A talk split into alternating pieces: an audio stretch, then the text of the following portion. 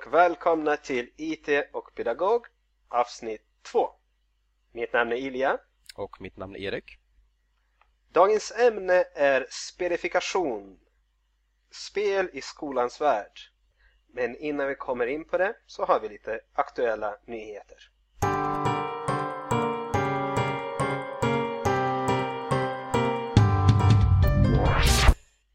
Erik, första nyheten? Ja, första nyheten har rubriken Penna sätter P för djupanalys. Eh, det är en eh, avhandling som handlar om hur man kan integrera visuella eh, verktyg i skolundervisningen. En ja, visuell typ, representation av data. Typ. Nyheten kommer inte därifrån. Vi har, vi har läst i lärarens tidning en, en liten notis som pratar om den här avhandlingen. det är intressant. Det kanske är intressant med artikeln att den är extremt kort och dess sammanfattning är att de använder verktyget och det går bra. Sen ska de skriva ner svaret med en penna och då avstannar analysen. Det är ungefär artikeln. Eh, jag tycker det är en väldigt konstig vinkling på avhandlingen. Eh, för det verkar ju, avhandlingens fokus verkar ju vara att undersöka hur det här verktyget Statistic Explorer fungerar i undervisningen. Eller hur? Eh, ja, precis. Och när vi tittar på, på just det här verktyget och lite grann hur det, hur det verkar fungera så eh, du, du pratar om det här verktyget eh, vad heter det? Statistic Explorer. Nej, nej, jag tänkte på det verktyget vi jämförde med. Mindcamp. Jaha, eh, det som Hans Rosling har utvecklat. Gapminder. Gapminder, så heter det precis. Um, och, och det, det, det känns lite grann som det att man kan då till exempel på en karta och så kan man då se statistik, eh, hur, liksom, eh, hur många föds, hur många dör, bla bla bla och sådana saker. Och man kan då visualisera data på ett trevligt sätt. Och eh, vi kan, man kan tänka sig rätt bra att man kan ge liksom elever uppgifter att de ska se samband mellan olika eh, typer av eh, ja, siffror och så vidare, hur de, hur de hänger ihop. Och det, det känns som att de skulle kunna använda det här ganska så bra. Och Det står ju också i artikeln att de lärde sig snabbt använda verktyget och det fungerar väldigt bra. Mm. Och sen så satte pennan P för den djupa analysen. Eh, märklig rubrik. Eh, jag tycker att eh, verktyget är mer intressant än den här artikeln. För det, den kan ju verkligen presentera statistik på flera sätt samtidigt. Man kan ha en karta bredvid en eh, diagram, man kan ha flera diagram. Man kan spela in det, de har ju någonting som de kallar för storytelling. Så man kan spela in eh, hur statistik har förändrats eh, i olika länder mm, beroende på olika saker. Bra verktyg! Konstig artikel. Ja, precis. Har du något mer att säga om den? Nej, jag, jag har nog inte det. Eh, jag skulle gärna vilja ta en djupdykning och faktiskt i det verktyget titta lite mer noggrant på det. Men eh, tycker att Vi kan bifoga länken i programbeskrivningen så kan lyssnarna också kika närmare på det. Ja, ja precis. Varför inte? Ja. Okay. Jag kanske också ska göra det. Jag har en, eh, en SO-lärare på skolan som är intresserad av eh, IT-verktyg. Jag kan kika på det tillsammans med honom. Vi får se. Om det blir någonting av det så kan jag återkomma. Ja, precis. Det är din läxa då. Tack så mycket. Ja, om det blir någonting av att göra den. Okej. Okay. För du kan dina eh, elever också säga så. Ah, det kanske blir någonting av det här. Ja, eh, nej, de har ju mig som lärare. så, när ska det in? Så, tack så mycket. Vad roligt det ska bli. Bra. Nyhet nummer två. Vi grävde fram ett, en rapport publicerad av NMC.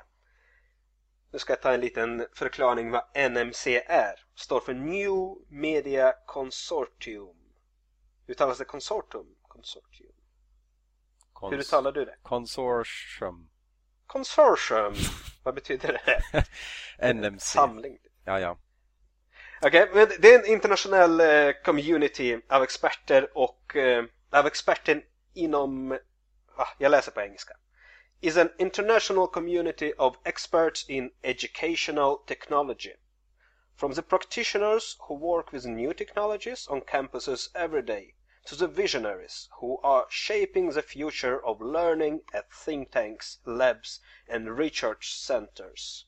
to its staff and board of directors, to the advisory boards and other helping the NMC conduct cutting edge research.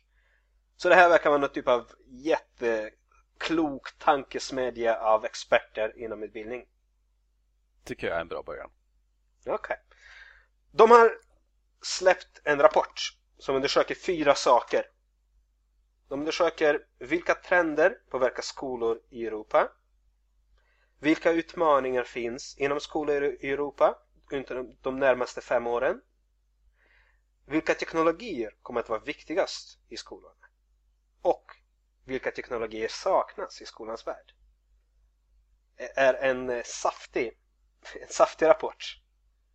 Vad ska vi göra av det? um, vi tänkte ta upp ett par punkter i alla fall ur den här rapporten uh, i den här podden. Vi får se om, om, om det blir kul så kan vi kanske ta upp uh, resterande punkter i, i, i, fler poddar. Men det finns väldigt mycket intressant i den här rapporten. Uh, så um, vi tänkte börja med två punkter här. först titta på sociala medier som tas upp i rapporten och lärarens roll i mm. framtiden. Mm. Och det här är ju en del av eh, trenderna. De pratar om att det finns tre, eller de delar upp trenderna i tre olika trender. Fast trends, eh, medium trends och eh, long trends. Alltså vilka trender är mest aktuella just nu, vilka kommer att bli spela större roll senare. Och de här två som du nämnde, det är ju fast trends. Det är nu. Det är nu. Det är nu det gäller. Och eh, vad sa du? Sociala medier? Eh, ja, precis. Um, den går kanske inte in så konkret på exakt hur, hur man ska använda sociala medier men det är ju ett faktum idag att väldigt många använder sociala medier. Alltså lärare använder det, elever använder det. Huruvida de använder det tillsammans är kanske en annan femma men det finns en del som gör det i alla fall. Det finns såklart väldigt mycket potential eh, i sociala medier att kan använda dem i, i utbildningen på olika sätt.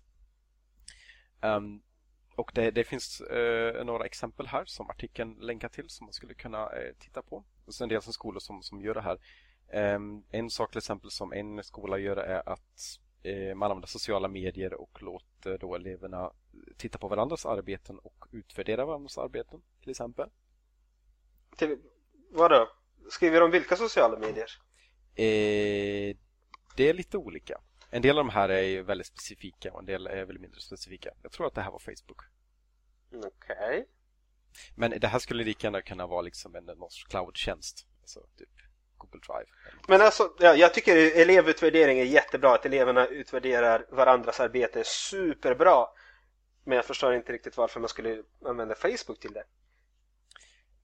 Ja, alltså man, man kan ju fundera på om det egentligen ger ge mervärde. Men det känns ändå som att det är, det är någonting som man skulle kunna använda plattformen till. Skulle man ju kunna testa. Okay. Eh, det fanns fler punkter här. Eh, skulle jag ta lite snabbt här. Eh, jo, alltså en sak som är rätt så given är till exempel att använda ett verktyg som Google Hangouts. Eh, om man nu håller på med Google plus. Sådär, tycker det är kul. Det som är grymt med Google Hangouts är att man kan ju vara rätt många i ett, i ett gruppsamtal. Då kan man ju tänka mm. sig att om man är en, en, en, en, en grupp som kanske arbetar tillsammans med någonting eller att man har en lärare och en mindre grupp elever så kan man ha liksom en realtidskonferens och, och prata om det där och få en väldigt direkt kontakt. Mm. Och det är något och, som man bara kan slänga upp och så funkar det liksom. Okej, okay. och, och, Google Hangouts är det, det, det är typ av chatt eh, Ja, det är väldigt likt Skype till exempel och sådär. Man kan prata, man kan skriva, man kan dela bilder och så vidare. Ja, precis. Och man ser liksom video på de som är med i konferensen och sådär. Så du, vad händer med Google Wave? Det är scrapped. Men är, är det som Google Hangouts? Var det som Google Hangouts? Jag tror att Google Wave skulle liksom konsolidera liksom ett sorts flöde av olika saker som Kon händer så att du vet när du får... Konsolidera? Ja, att, att man liksom du tänker dig så här att vi kanske pratar om någonting så skickas mm. det kanske en länk och det, det, kanske, vi kanske snackar lite där och lite här i, i olika medier liksom och sådär. Men att man på något sätt får ihop det där till ett, till ett flöde Alltså ett problem med kommunikation via, via mail till exempel att det tenderar att bli liksom Du vet hur det blir när man, för, när man har skickat vidare svarat, skickat vidare igen svarat, svarat mm. alla hit och dit att det, det blir en enda röra och svårt att veta hur det börjar liksom och sådär. Mm. Och en del de kanske raderar det som står i, i texten som man inte kan se och det, överhuvudtaget så är det bara en massa jävla text. Um, och då kan man ju tänka sig att det vore bättre om man har liksom ett snyggt flöde där man kan se typ att eh, det, det börjar med en konversation mellan dem. Sen kom den mm. personen in. Okej, okay, ja. Men funkade det? Google Vive, funkade det? Det är nedlagt det allt jag kan säga. Har du testat det? Nej. jag såg någon video någon gång sådär men eh, jag vet inte riktigt. Alltså det, om, om det inte blev någonting så antar jag att uh, var väl kanske inte riktigt redo än. Eller så riktigt okay. Men Google Hangouts är uh, hyfsat stabilt. Det går att använda i undervisningssammanhang. Var det några fler sociala medier som de nämnde? Uh, det är två stycken här som, som nämndes som kanske inte känns så social media men för all del. Alltså, de pratar om till exempel att man skulle kunna, varje elev har en blogg Mm. Eh, man får läxa och skriva saker på bloggen och sådär. Det, det, är rätt så bra för då kanske man tränar liksom, alltså om man har en blogg så kan man ju faktiskt träna på att skriva lite mer, eh, ja jag vet inte om redaktionellt är rätt ord, men du förstår att man faktiskt skriver någonting på riktigt.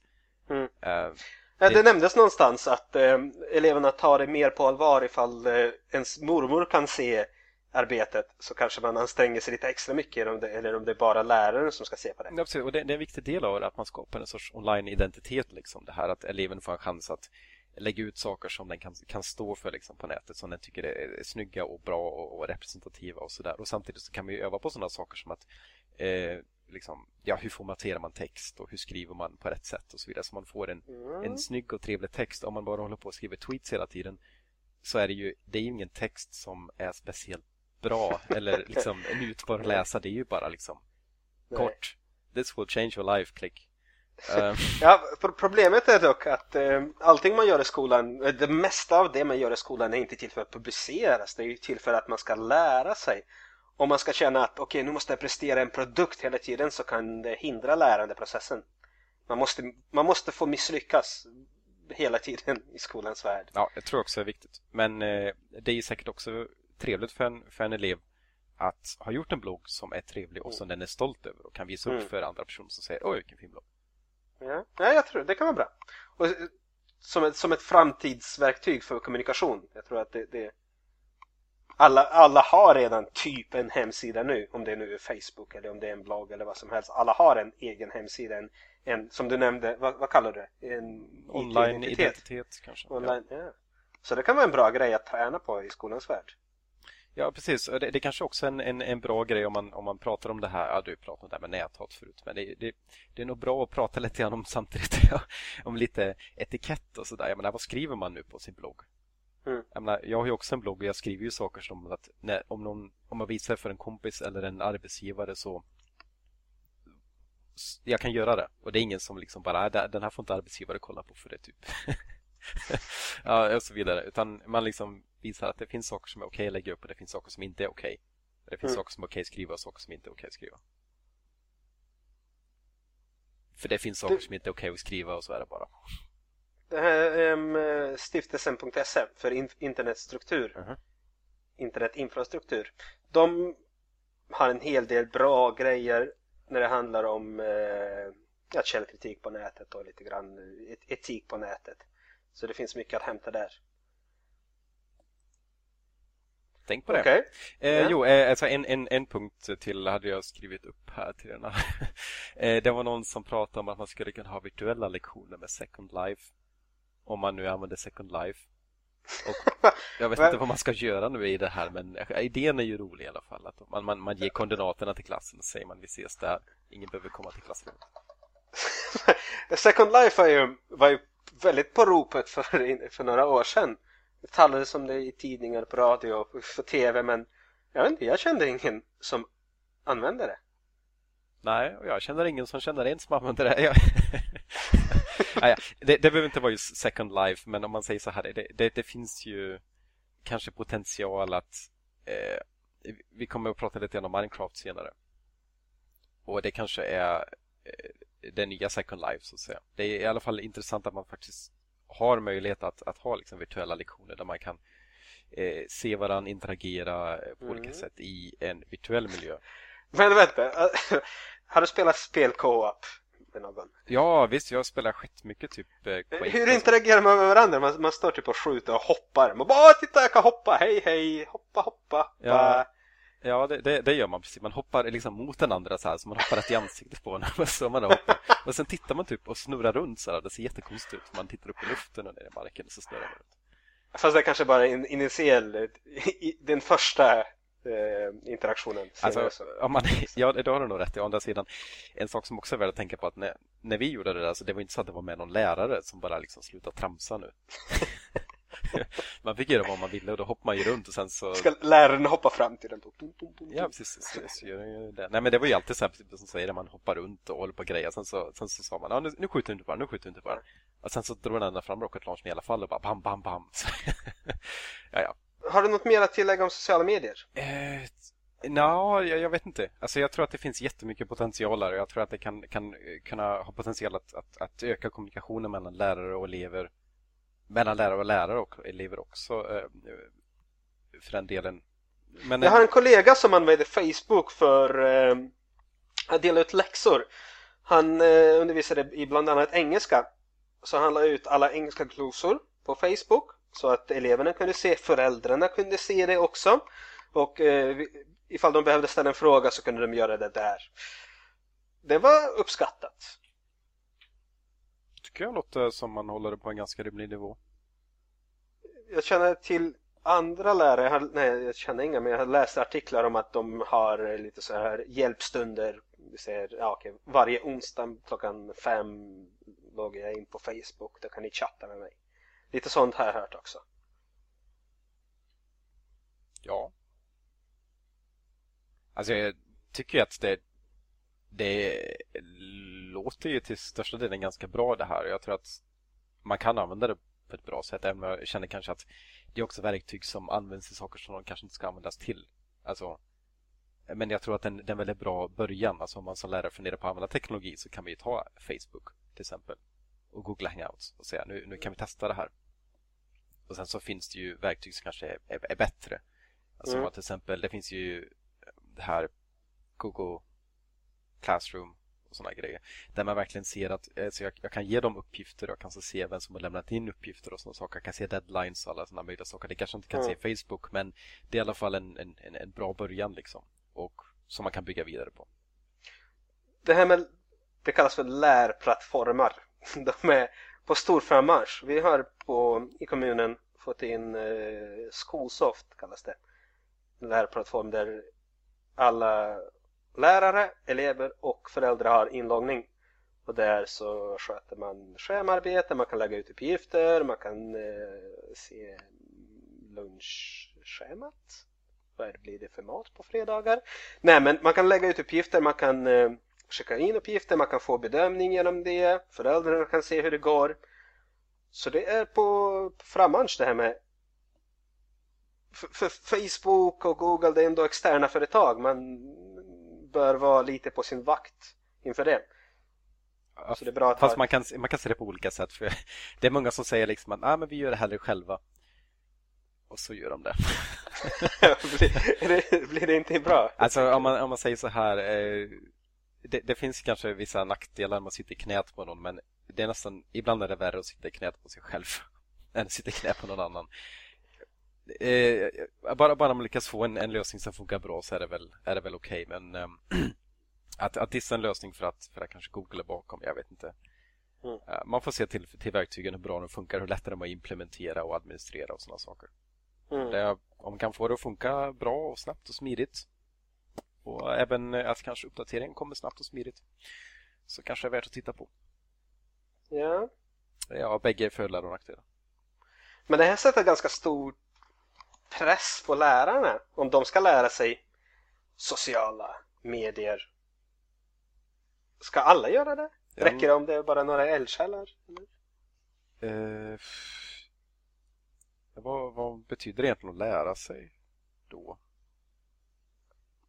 Alltså de ska, det är klart de ska lära sig använda de verktygen som man ska använda. Nej men alltså man ska använda, okej, okay, vårt system Skolsoft den ska ju den ska ju alla använda för det är ju skolans, det är kommunens system. Men när vi säger uh, Facebook och Twitter. Jag vet inte, man får väl ha någon som tänker ut hur man ska använda det och så får man väl lära sig det. Mm. Det finns säkert massa funktioner i Facebook som man inte behöver använda, som inte behöver kunna, som, som väl är okej. Okay. Sen lär man ju sig förhoppningsvis lite efterhand om det så att elever säger att de har använt det och det. Så man bara, då kan man ju fråga, fast man är lärare, som jag faktiskt frågar eleverna och säga, jag förstår inte vad du pratar om, vad menar du, vad är det för någonting? Jag tror det är bra. Det är inget det... fel med att också lärare faktiskt lär sig saker.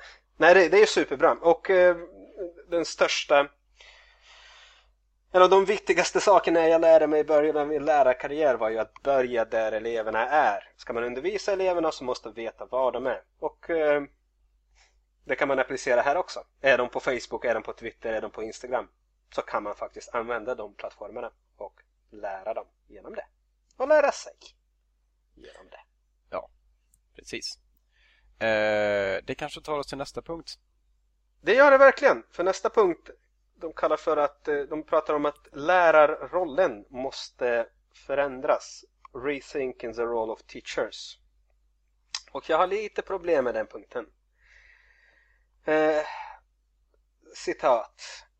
In ideal scenarios, the teacher's role is becoming that of a mentor, visiting with groups and individual learners during class to help guide them while allowing them to have more of a say in their own learning.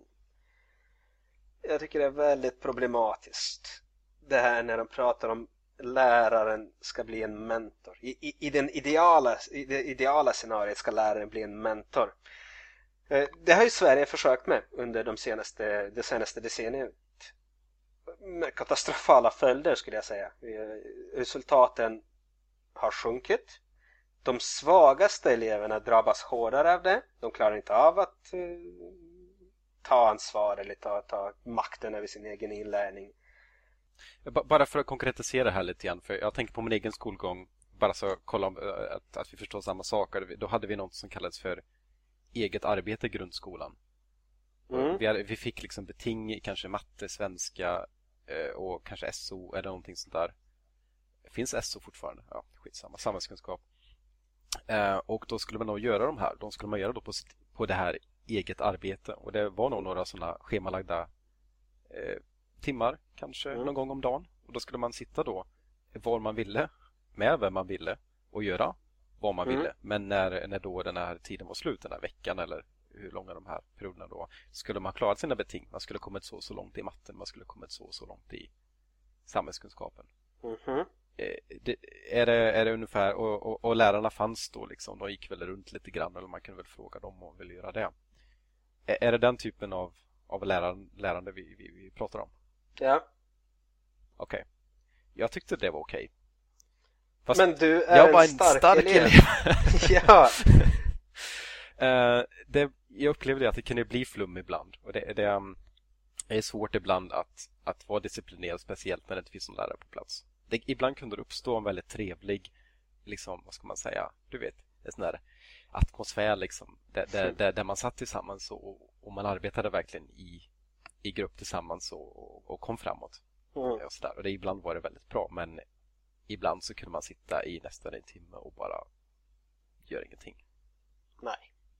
Det här var ju ett led av, eh, av eh, kommunaliseringen av skolan och eh, man drog ner på resurserna till skolan och att lärare skulle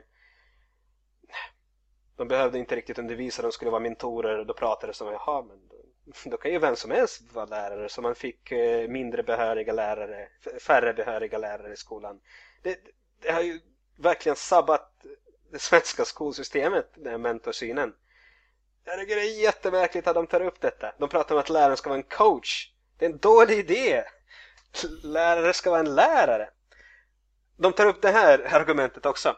Lärare är inte längre den primära källan till information. Att man kan googla vad som helst. Att... Men, ah!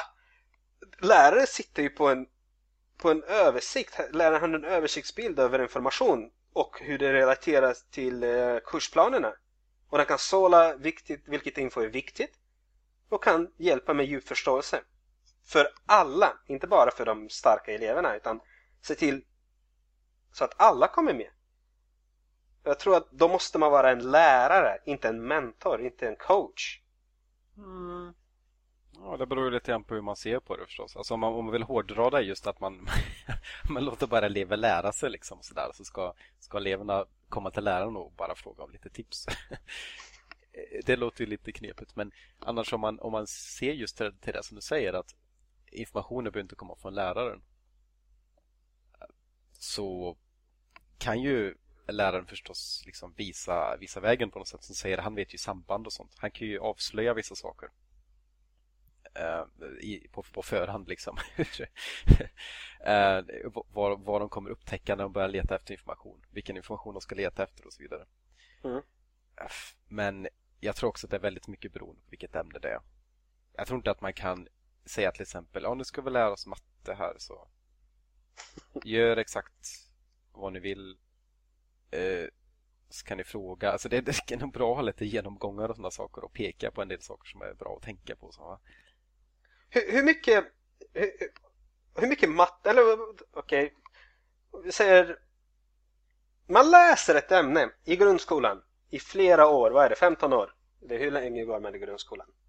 Eh, nej, det, alltså grundskolan är ju okay, till nian. Och sen så har man gymnasiet på det? Ja, då har man. Men om övergången... Hur mycket är det? 12 år? Ja, det, det, det är 12 år. Och sen så är man lärare och pluggar i 3,5, 4,5 år. Så 15, 16. Det är många år. Det är för... 16 år! Vi säger att en lärare har gått i skolan i 16 år. tror, tror du inte att den personen har lite bättre koll på, på ett ämne? På vad som krävs, på vad man kan lära sig, på vad är det som krävs för att lära sig? än en elev som går i, låt oss säga åttan? Ja, alltså om man säger så här, han är väldigt insatt i hur saker och ting fungerar i skolan.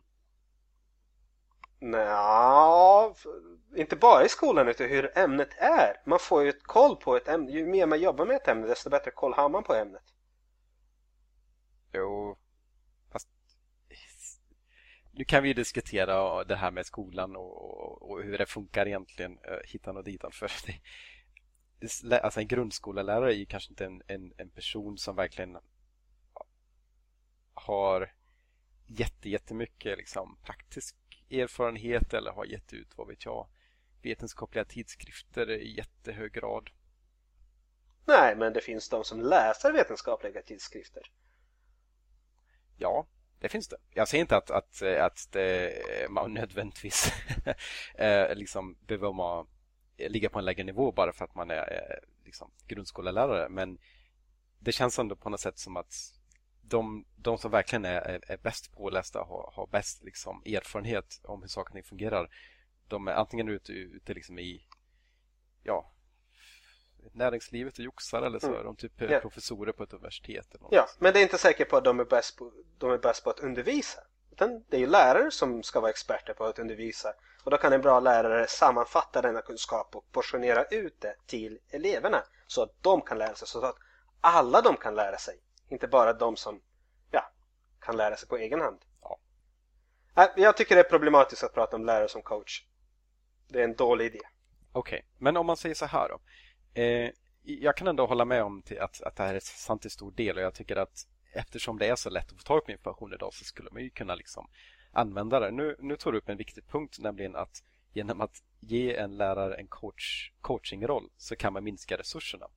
Mm. Det var ju så det var för oss i princip. För att mm. de där passen som vi hade eh, då hade vi ju till stor del så jobbar man ju utan lärare vilket är bra för då sparar man ju en lärare. Men om man säger, till, om man säger att det, det är inte liksom någonting som, som ingår i det här. Man kommer ha lika många lärare i alla fall. Det kommer finnas samma resurser. Finns det något sätt som man kan då använda då det faktum att det är lätt att få tag på information eh, och någonting som går mot coachning? Ja, det gör det. De pratar ju också om flipped classroom i artikeln. Känner du till flipped classroom? Eh, ja, jag tycker termen är fånig. Det betyder att man gör... Ja, men eh, flipped classroom tänker jag att typ eh, eleven lär läraren, typ de är ju vänt på klassrummet. Men, det, det, ah. nej, men när jag läser om det här så är det mest varit att läraren gör typ videos som lägger, som lägger mm. ut på Youtube. Så kan man titta på dem. Ja, man kan göra videos eller podcast eller om man ger läshänvisningar. Men att man, man tänker över hur man ska använda klassrumstiden så att man inte använder klassrumstiden till föreläsning utan mer till djupdykning och informationsintaget så att säga gör eleverna på sin egen tid antingen före eller efter lektionen. Mm. Eh, där har du en möjlighet att använda det här att informationen är så att säga fri. Man kan göra en video och säga de här sakerna ska vi gå igenom. Vill du läsa mer kan du kolla på de här länkarna eller googla och sen på lektionen så ska vi analysera vad vi har lärt oss och vi ska prova och vi ska träna på det. Det är väldigt bra. Ja. ja. men jag tycker det är väldigt bra. Jag har använt, eh, jag har gjort filmer, jag har använt dem i undervisningen, jag har gjort filmer för eleverna inför prov, inför lektioner. Problemet är att se till så att alla kollar på det och men det, det, det går att lösa. Det tänkte jag precis fråga, hur löser du det? För det är det som är lite problematiskt om man nu gör så att man, man tar en genomgång eh, på, på video istället för att göra mm. på lektionen. Och sen visar det sig att några inte har... Video. Video, ja visst. Försöka mena VHS. Ja, jag trodde, var det inte det du menade? jag kör Betamax. Um, jo, eh, så, eh, så visade det sig att några inte sett den här och då hade man tänkt att dra mm. igång lektionen.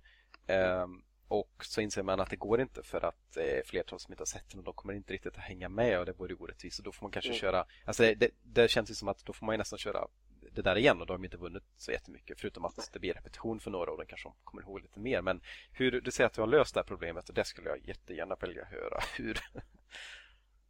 Jag har inte löst det problemet. Nej, det, det, det ser du. Jag tänkte men, det hela tiden. Nej, men så här, det, det här, det, det blir ju en tankevurpa. Det gäller att sälja in den här idén till eleverna och till föräldrarna. Att eh, det finns stora vinster. Och sen så det är väl med allting annat. Det finns elever som inte gör läxan, det finns elever som inte läser innan. Man, man får ta ett samtal med dem och säga att eh, det här är jättebra. Ta reda på orsaken varför, varför eleven inte kollar på filmen. Om det är att den inte har tillgång till dator hemma så kan man ju avsätta tid i klassrummet för det. Allting, det där går att lösa, det är inget, det är inget enormt. En engagerad lärare kan lösa det. Jag ser inte det som ett problem. Engagerad lärare, det är väl kanske det som är det största problemet. Vad menar du med det? Va? Ingenting. Så, okej. Okay. Okej, okay, vi är klara med en CM-rapport för eh, den här gången. För den här gången. Nästa gång så kan vi titta vidare på eh, andra trender eller något annat. för att nämna någonting specifikt, ja precis. du som vill läsa lite mer i rapporten, vi bifogar en länk under programbeskrivningen. Jo.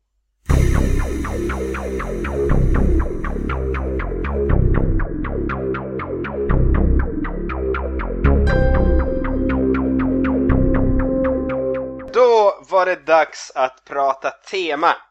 Och dagens tema är spelifierande i skolans värld. Gamification även kallad. Stort tema. Stort ämne. Ja, precis. Stort tema, stort ämne. Eh, så, fråga nummer ett. Vad är gamification? Bra fråga! Bra fråga! Jag tror att... Relevant fråga. Relevant fråga. Eh, du får en stjärna för det. Det var en bra fråga. Jag tycker att andra kan lära sig av, av, av dig. Ja, Kaplimum, level up. Ja, nej, inte än. Får du fem stjärnor, då, då lämnar du. okay. då, får du då får du en penna. Eh, din fråga var, vad är gamification? Och, eller spelifierande, det, det svenska uttrycket är spelifierande. Det internationellt gångbara är gamification. Eh, det är följande. Jag läser utan till här. Spelifiering innebär att använda element från speldesign på områden som i grunden inte är spel. Till exempel för att skapa engagemang för en tjänst eller en produkt. Blir du klokare? Eh, ja.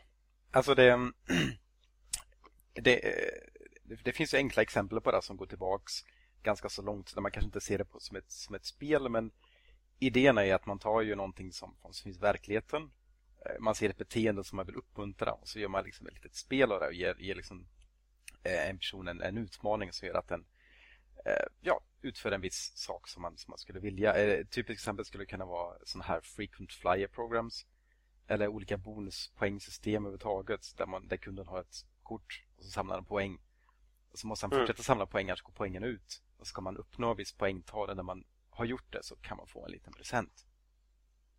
Och på det sättet kan man få, liksom få folk att flyga mer eh, det, det, eller köpa någonting mer. Och det, det, liksom, det är väldigt simpelt. Men det handlar ändå om att man, man ger kunden liksom lite mer än bara produkten. Man, man liksom säger, åh den där, eh, nu ska jag få så här många poäng och det skulle vara speciellt. Så då känner man lite så här, mm, lite utmaning. Jag, jag, jag, tror att, eh, det är ett enkelt exempel, jag tror att spel, om vi pratar eh, både digitala och brädspel, digitala och fysiska spel ska man kanske säga, erbjuder mycket mer än bara det där som du pratar om, level up-systemet. Jag tror det finns många fler system i spel som kan användas på, om det är nu skolan vi ska prata om. Okej. Än bara det där. Där, då... Jingel. Ilja, topp tre spelmekanik som man kan applicera i verkligheten. Okej. Eh, jag, jag säger att eh, en av de starkaste är ju det som du pratar om, belöning. Man belönar, eh, man belönar det beteende som man vill ha och ger det lite, lite, ger lite stjärnor, lite experience. Så att eh, användaren samlar på sig. Till exempel som jag gjorde när du ställde en bra fråga. Så sa jag bra fråga! Du fick lite belöning där. Mm. Och så kan man, eh, kan du få något mer. Det är ett enkelt sätt. Eh, plats två. Um, utan inbördes ordning. Men eh, någon typ av, någon typ av eh, dramaturgi som återkommer i spel. Man börjar kanske bombastiskt med lite in media res. När man börjar en lektion så skissar man upp eh, miljön snabbt så att dra in eh, eleverna i det. Och sen så vandrar man lite grann genom ämnet och sen så avslutar man bombastiskt också. Jag tänker själva historieberättandet som finns i spel ibland. Mm, det är bra. Mm. Och eh, på första plats återigen utan någon inbördes ordning för jag drar det här bara i huvudet. Eh, Jag trodde det första var nummer ett, det var nummer tre då. Utan inbördesordning. Okej, ja. Nej men alltså system. System, för det, det, det spel har är ju människor som har tänkt igenom hur det ska fungera. Vad är det användaren ska göra och vad ska det leda till? Och de är väldigt inriktade. Till exempel om, om, eh, om det handlar om eh, slagsmål i ett spel så är det tydligt vilka knappar man ska trycka på för att slå och hur mycket skada de ska göra. Och man kan överföra samma tydlighet till klassrummet om det är tydligt för eleverna eh, vilka sidor de ska läsa och vad är det de ska få ut av det så blir det enklare att lära sig. Eh, nu tyckte jag kanske att den analogin haltar lite grann, men visst, alltså. eh, varför inte? Um, Okej, okay. uh, ty tydlighet någonting annat till um, Nu ska se, det, det finns ju fler saker som man skulle kunna ta upp ur, ur, ur spel. Uh, som Mm. man skulle kunna applicera. Um, alltså en, en sak uh, som, som kan vara rätt så kul som man ofta ser i, um, i multiplayer-spel, online multiplayer-spel, är att folk tvingas att arbeta tillsammans och på det sättet kan man uppnå liksom ett, ja, eh, mycket mer. Det blir väldigt tydligt att om man spelar liksom ett online-rollspel så är det väldigt svårt eller omöjligt att klara en del hinder på egen hand. Då måste man vara ett team. Mm. Och det är också så att man ser till att komplettera varandras färdigheter. Liksom. Att en, en typ är smart och en är stark. Typ. Nej, men man har ju olika klasser som kompletterar varandra. Ja. Och jag tror att också det där kan man säkert använda i, i, i lärande i och med att man, man, man lär sig tillsammans. Eh, Mm. arbetar Det, det, det är bra, väldigt bra sätt, det är vä- väldigt bra grej att göra när man ska skapa grupparbeten. För en, eh, en lärare som har koll på situationen kan, eh, kan ge roller i gruppen. Okej, dela upp klassen i fem grupper, fyra i varje. Och så säger man du är ordförande i gruppen, du håller koll på att alla får till tals. Du är sekreterare, ditt primära jobb är att skriva ner, eh, sammanfatta det gruppen har kommit fram till. Eh, du är healer, du hämtar vatten när de blir törstiga. Och eh, du är eh, DPS, damage per second. Du, du ser till att ni får saker och ting gjort. Nej men, det kan man göra. Ge roller i gruppen som lärare. Ja, eh, det kan man ju säkert göra. Jag, jag bara... vi, vi kommer återkomma till det sen, men eh, där, kommer tänka, där får man ju tänka lite grann på när de hade någon sorts IT-tema i, i matsalen på min skola. Och på torsdag så fanns det formaterad torsk. Okej. Ja, alltså de, de liksom... Jag vet inte, ibland blir folk så här kreativa med, med, med sådana namn och hittar på liksom så här. Ja, ah, nu har vi rymdtema. Så Mm. heter det typ... Eh, ja, du vet. Månpastej. Eller något. Mhm. Ja. Ja. Så här typ blodpudding. Nej men man hittar väl på namn på det men efter ett tag så kommer de namnen att förlorar sin, liksom, sin, sin styrka Mm. eventuellt. Alltså det, Nej, det, det var inte det jag menade. Jag, jag, jag drog till The Healer och DPS, det var, var på skoj. Eh, såklart att det behövs inte, utan det viktiga är ju rollens funktion. ja men det, det har man ju idag också. Då är ju en som är ordförande och en som är sekreterare och en som Ja. är. Det är ju ingen som tycker att det är så spännande. Jo, Eller en del det, kanske tycker det behöver inte vara spännande. Man, kan- man kan använda den mekaniken för att eh, rikta uppmärksamheten. Man, man, man hjälper grupparbetet så att alla vet sin egen roll och då kan man tillsammans samarbeta. Istället för att, okej, här är en uppgift, gör det utan någonsin stöd på vägen. Kan man istället erbjuda det här som återkommer i spel, att man har olika roller. Mm. Det var det jag är ute efter. okej. Det, det var ett skämt, det andra med healer och eh, DPS. Det, Den det, föll inte i god jord. ja, jag vet inte. Det behöver inte vara ett skämt. Men eh, ja, i alla fall. Jag kommer att tänka på en sak till här som, eh, som har mycket att göra med eh, att, att samarbeta. Och man ser ju ofta i spel att, eh, att, att, att, det kan bli liksom eh, någonting viralt med spel. Att folk börjar liksom spela spelen. Och sen så börjar de att vilja få andra att spela spelen och andra vill liksom haka på. Mm. Det är också en effekt som man väldigt gärna skulle ha i inlärning.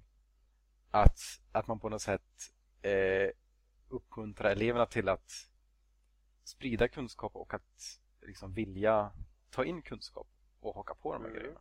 Alltså, det, det, det finns ju på skolan så här redovisningar som, eh, som man inte håller kvar i klassen utan att okej, nu går fyrorna och berättar till ettorna om eh, rymden. Sådana grejer finns.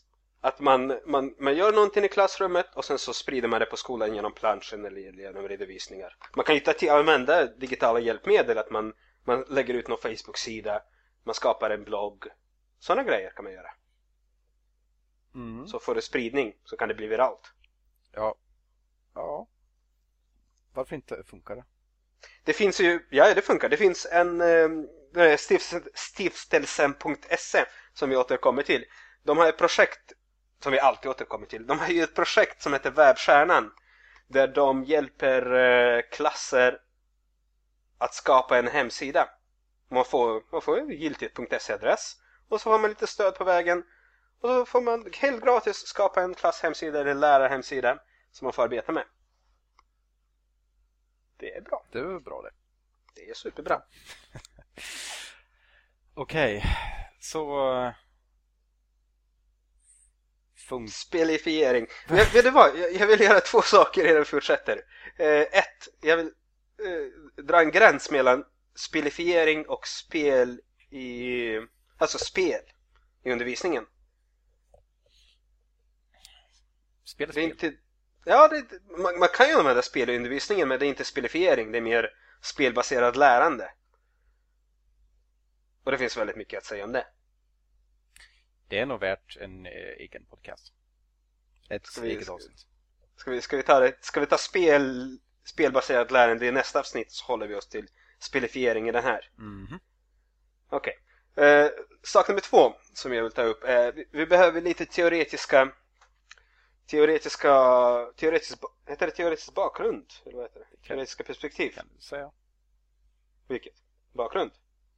Bakgrund? Okej. Eh, det finns två stycken tongivande män, gubbar i, i, när det gäller undervisningen. Vi har först eh, Skinner och eh, vi har Vygotsky. Ringer det några klockor? Eh, ja, för jag har ju sett dagens program så jag vet ju vad du ska säga. Men Okej. Men har, har du hört talas om dem innan? Eh, jag tror inte det. Även om... Jag- mm, Jag tror att Skinner är mer välkänd för han var en psykolog i, i Amerika på 1920-talet tror jag. Jag tror han är mer välkänd även utanför skolans värld. Men han höll på med, med ehm, det kallas för operant betinning. En, en av de kändaste saker, en av de mest kända saker heter det ändå. En av de mest kända saker som han har gjort kallas för Skinner box. Han hade en, en låda och där inne så stoppade han in en duva. Och inne i lådan fanns det en knapp. Pickade duvan på knappen så fick den mat. Pickade den inte på knappen hände det ingenting. Och han jobbade med positiv förstärkning. Han ville, han ville kolla om man kunde skapa och eh, etablera ett beteende genom att förstärka det. Känner du igen det? Uh, ja, det, det, är väl, det är väl bekant. Alltså, det är ju ett, liksom, typiskt ja, precis som, som egentligen liknande diskussion som det där med, med korten. Liksom. Man använder ett visst beteende och så får man någon form av belöning. Liksom. Och så mm. upprepar man det beteendet. Eller, jättemånga spel, jättemånga hasardspel bygger ju på den här principen.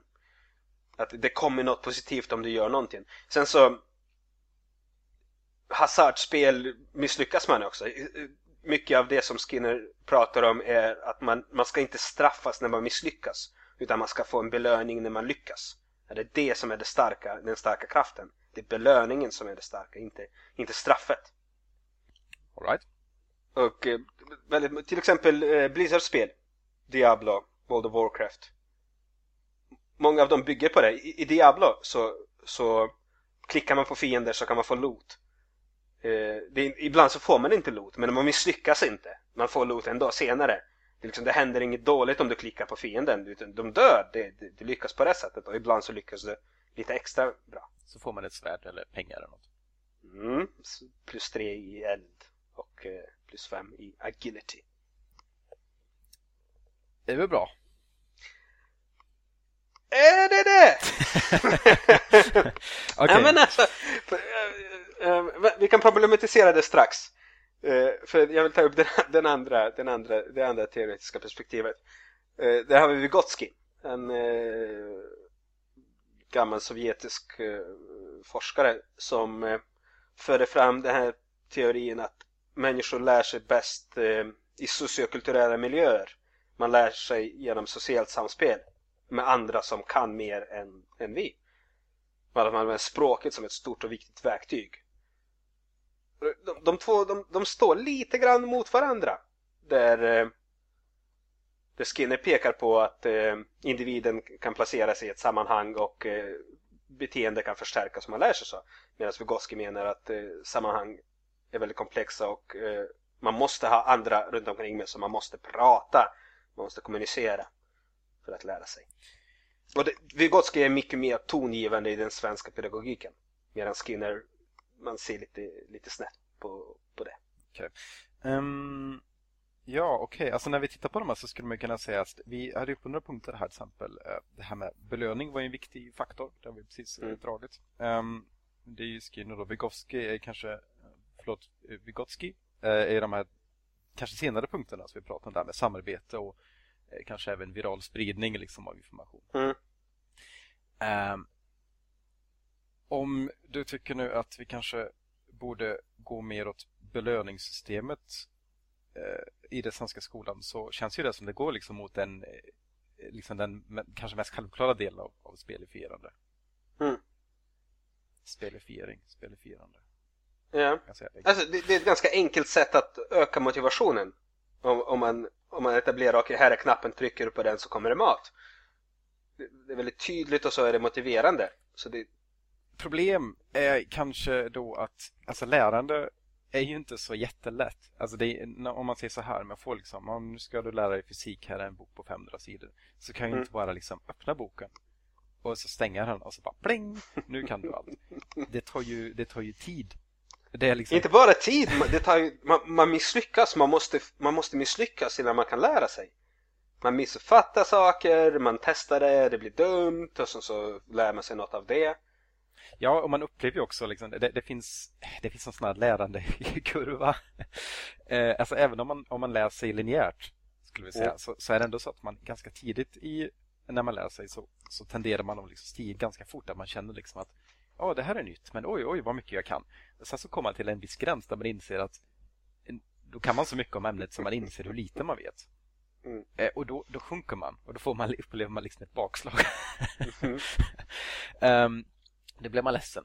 Um, och det är kanske också en grej som är, som är viktig att överbrygga på något sätt, att man på något sätt eh, känner liksom att det, det finns tydliga delmål som man kommer framåt så att man inte känner liksom att man nu måste man kunna alla de här 500 sidorna annars är det kört. Mm. Men samtidigt så måste man ju ha ju någonstans ändå att det handlar om att ta jättemycket tid och att ha tålamod och liksom ha tid för eftertanke också för att kunna lära sig de här grejerna. Och man kan inte liksom bara, som i ett spel, eh, klicka på monster om och om igen tills man får liksom svärdet som man vill ha. Nej.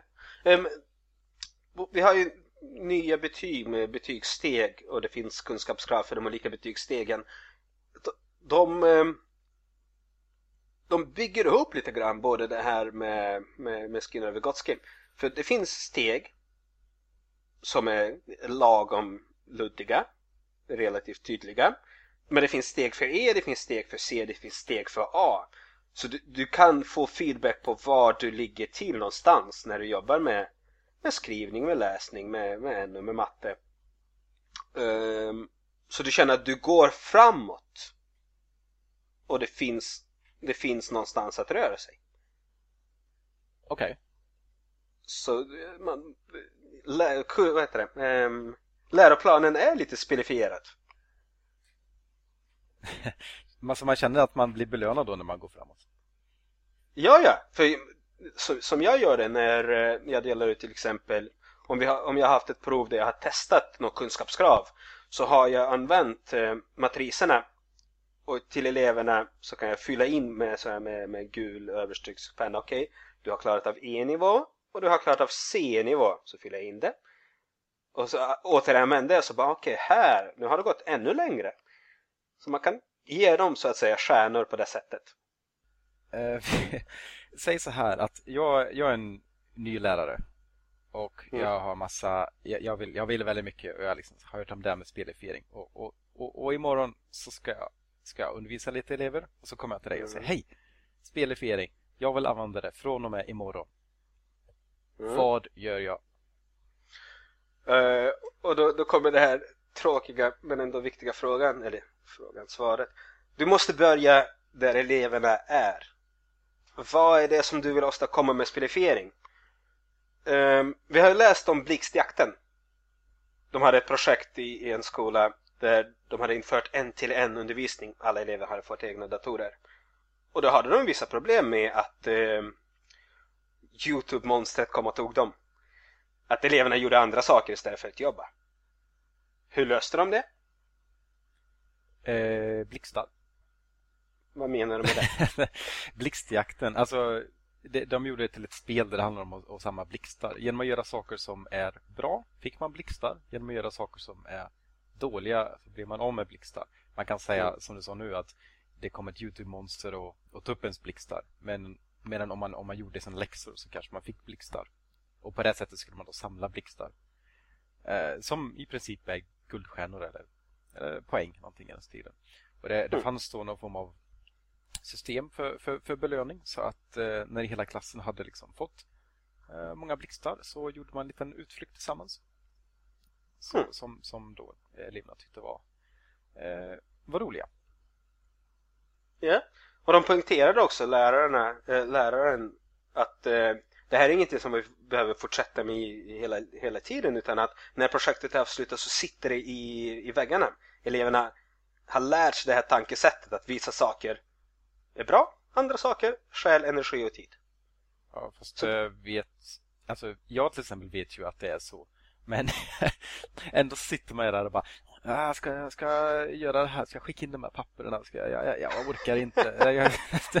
Eller behöver du kanske en liten uppdatering på Blixjakten? Man kan, man kan börja varje termin med, eller varje, varje årskurs med en litet blixtjaktprojekt. Så att man etablerar det systemet. För det, det är ju, jag tycker att de bästa lärare, de skapar fungerande lärsystem i klassrummet. Och om man använder spelifiering för det så bra, men man kan använda olika saker. Men spelifiering kan vara ett sätt. Skapa ett lärande system. Okej. Okay. Uh, eh, okay, nu, du vill ha mer konkreta, du vill ja, ha mer konkreta tips. Okej, okay, men, men säg så här då. Jag, jag var inte så konkret heller. Uh, vad jag lärare i till exempel. Jag kan, ja. jag kan låta dig hitta på vilket ämne jag lär i. Men det, det, best, det, Ma För matte? Matte, okej. Okay. Okay. Matte. matte har ju många spel som man kan använda i undervisningen. Men vi skulle hålla på det, utan vi skulle prata om spelifiering. du försöker bara slinka undan va? eh, vet, du vad, vet du vad du ska göra? Du ska läsa på, kolla forskningen. För jag tycker att när vi har gjort lite, eh, när vi har läst på inför det här programmet så så har vi stött på att det är väldigt mycket flum, väldigt mycket höga tankar om vad spelifiering och spel för den delen kan göra med undervisningen med väldigt få konkreta förslag och väldigt lite forskning. Väldigt lite referering till forskning.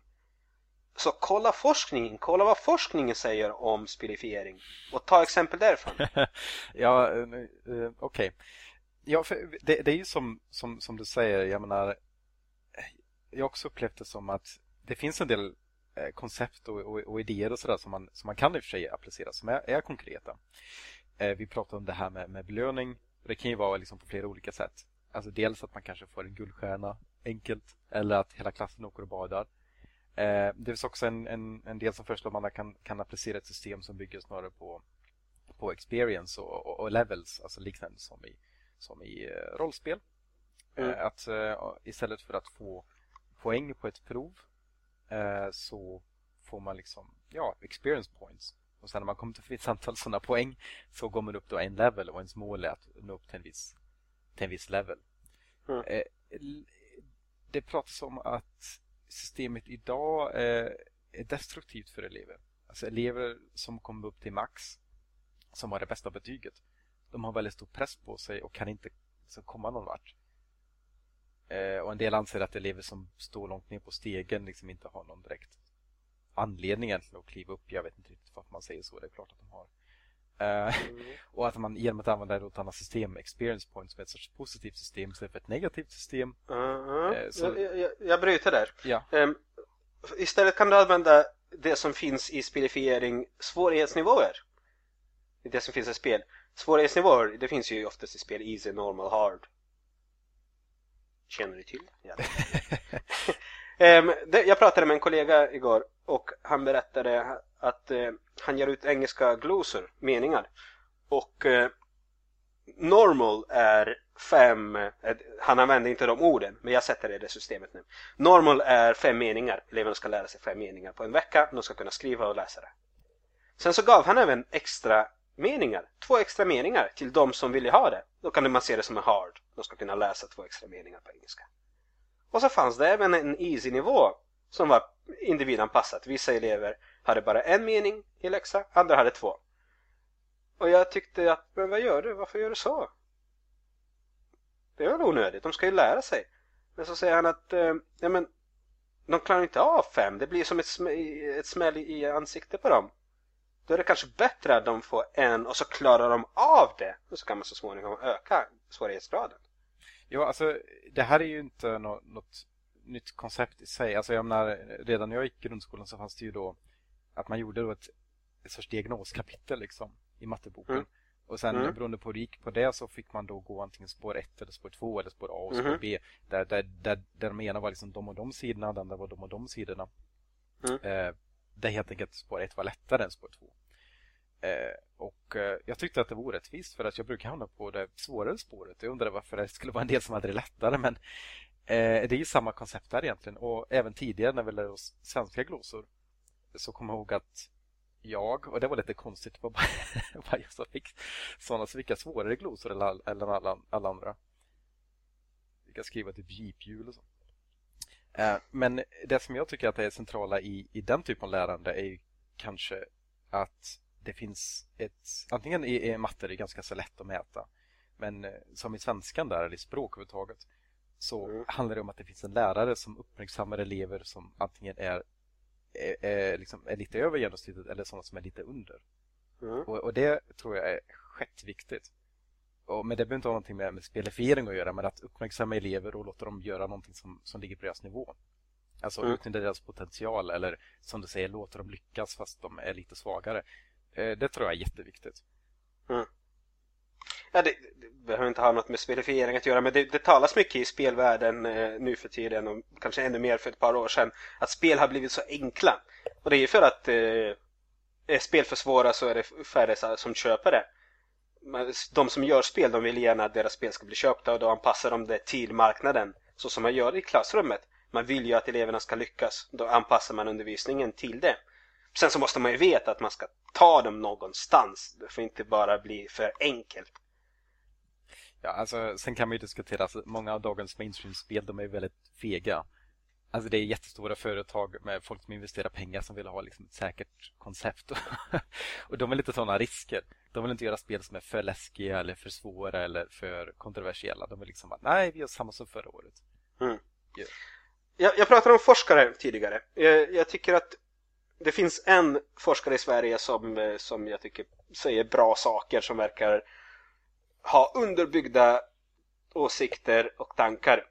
Eh, Jonas Linderoth, han är spelforskare och eh, docent i pedagogik vid Göteborgs universitet tror jag. Han, eh, han är lite emot det här med, eller inte emot, men han tycker att eh, använd, hel, använd hellre brädspel och ta, ta inspiration från brädspelens regelsystem i undervisningen. Tycker de är oftast genomtänkta och eh, kan rikta ett medvetande åt, åt ett speciellt håll. Eh, ja, alltså det, det, som jag kanske tycker som har problem med brädspelet väldigt ofta så har de en väldigt tydligt slumpelement. Alltså man, ofta, man använder ofta tärningar till exempel eller drar kort. Mm. Och jag tror att en viktig del av spelifieringen är att man sätter liksom eleven eller spelaren i, i centrum och låter den känna att den har kontroll över det som sker. Inte att, att ja, nu, nu ska du skriva prov. Nej, men du slår man tärning istället. Ja, du fick en etta. Okej, då fick du sjätte. Nej, men att man liksom känner att man faktiskt kan påverka sin situation och man är motiverad att göra det. Ibland när jag spelar brädspel kan jag tycka att det är hopplöst om man bara slår rätt hela tiden. Jag fattar inte vad, vad detta är för trams. Mm. Nu är inte alla brädspel så. Det finns ju många Nej. som, som eh, är väldigt smarta och genomtänkta om man faktiskt har kontroll. Och det är ens eget fel när man förlorar, men jag tycker att ibland så är det bara det är inte dit jag vill gå. Det är inte min strategi, men det är inte jag som bestämmer det. Ja, är inte det en bättre simulering av verkligheten? Att saker och ting inte alltid går din väg och du måste anpassa dig.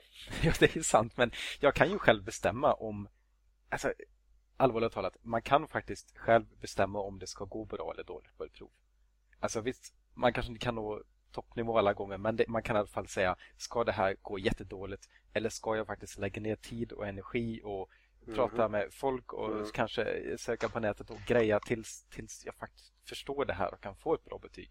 Och det är inte så att det kommer någon och slår med en tärning och säger ja, nu, du får studera nej, exakt nej, nej, en timme. Så, så är det. Förberedelsen är ju superviktiga men sen så kan någon komma och slå med en tärning och din, din kära hund kan dö och uh, få rabies. Och eh, då blir det svårare att plugga. Och sen så när du väl kommer till skolan så, så, så har din bänkkamrat eh, snorat ner halva bordet och så blir det, åh, så blir det svårt att koncentrera sig. Det kan ju hända kosmiska saker som förändrar sånt. Du styr inte över allt här i världen, Erik. Alltså, om man säger så här. Jag, jag vill ju bara lära min klass svenska. Och nu har jag, jag, och du säger att det är någon som snor i min bänk. Jag vet fortfarande inte vad jag ska säga till mina elever imorgon. Okej. Okay. Vad är det i svenska du ska lära dem? Uh, jag tror det var matte, men det är skitsamma. Vi säger svenska då. Mm. Svenska. Uh, det, vi, vi, kan ta någonting, uh, jag vet inte, grammatik Nej, kanske? Jag, jag har använt matriser i, i skrivundervisningen. Och man kan se det som ett sorts aspelifierande. För jag, jag, men jag försöker, när jag undervisar försöker jag vara tydlig och tänka igenom, tänka ut ett system som, som är enkel, som kan hjälpa eleverna. Eh, till exempel, vi pratar skrivning, de ska få skriva en...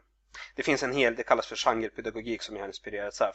De pratar om att man kan skriva olika genrer och det finns både specifika specifika eh, grejer för olika genrer och så finns det lite övergripande.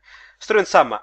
Vi säger att du ska skriva en återberättande text. Du ska berätta någonting som du har varit med om. Och så skapa en matris, saker som ska finnas med i en bra återberättande text. Vi börjar med ett Rubrik. Finns det en tydlig rubrik? Två Inledning. Finns det en eh, tydlig inledning? Så kan man nörda ner sig i vad är en bra inledning? Ja, den ska kanske svara på vem är det som berättar vad är det som hände, när hände det, varför och eh, med vem. Kanske mm. något sånt. Mm. Um, efter inledningen kommer det kanske händelser i kronologisk ordning. Du ser att här finns en progressionsnivå. Det finns ju, man kan skriva en inledning på olika bra sätt så du kan få in det här easy, hard, normal. Uh, Okej, okay. ser du vad jag är ute efter?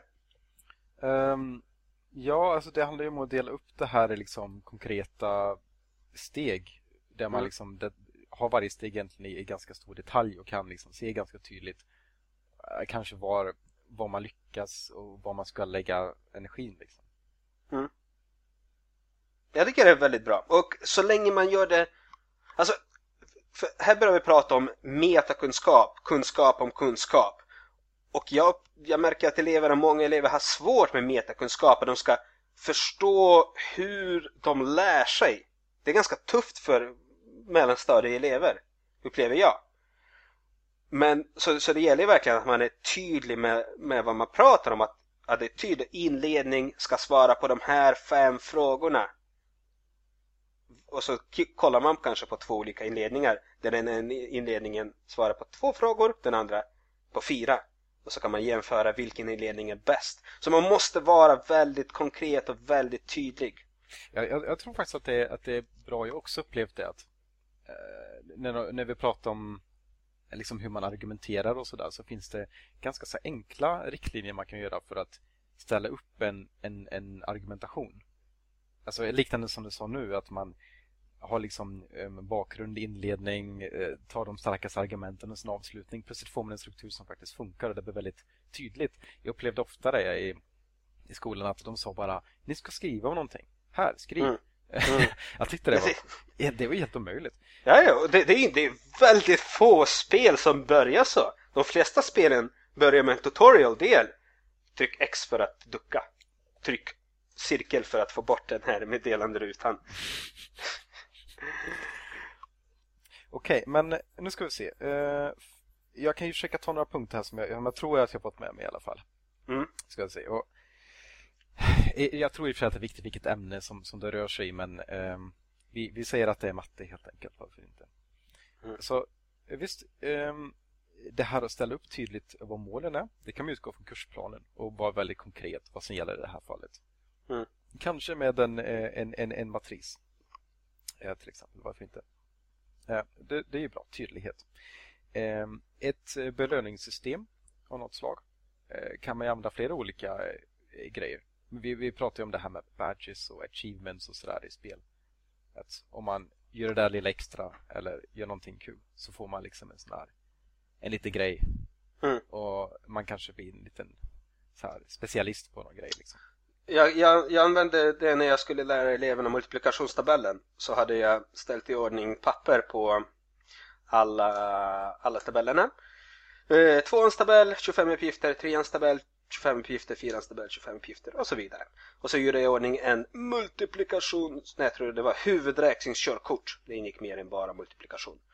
Eh, huvudräkningskörkort. Och eh, så började vi varje morgon med två minuter huvudräkningstest.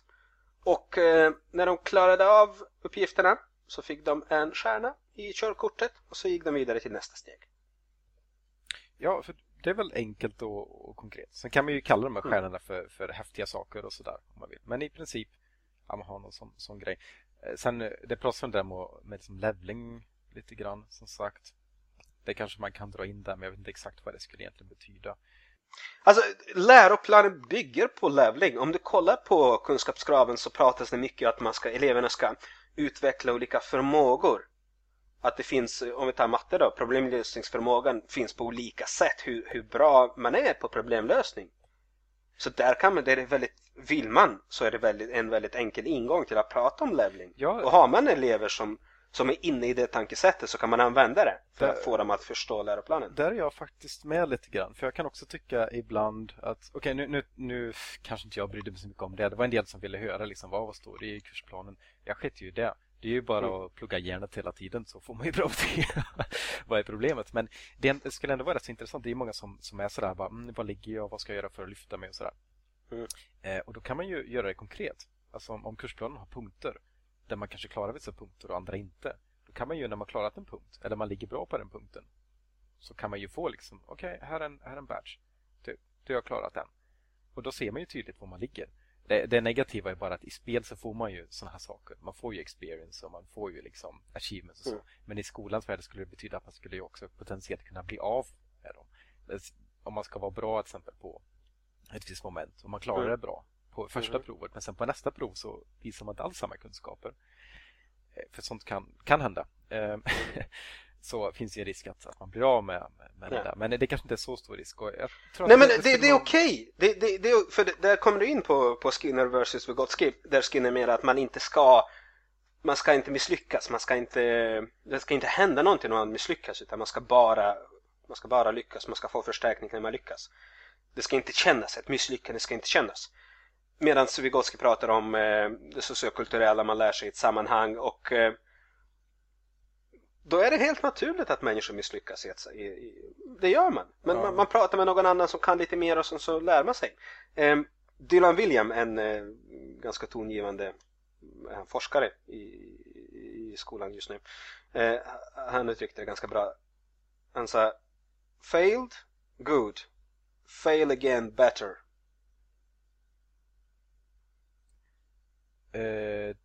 Okej.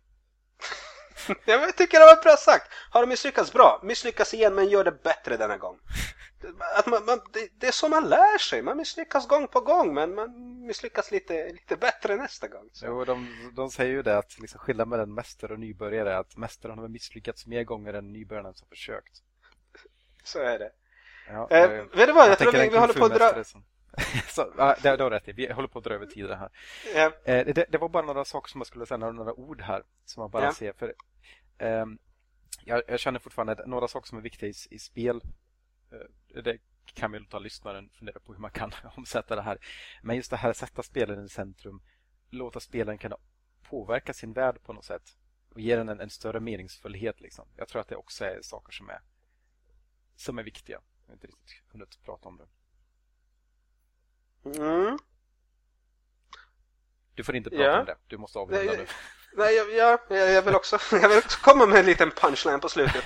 ja, men jag, jag tycker alltså följande, när vi har läst lite grann om det så tycker jag att det finns en det finns lite grann två sidor där eh, den ena sidan säger att lärande ska vara roligt, inte jobbigt. Det är därför man ska specifiera.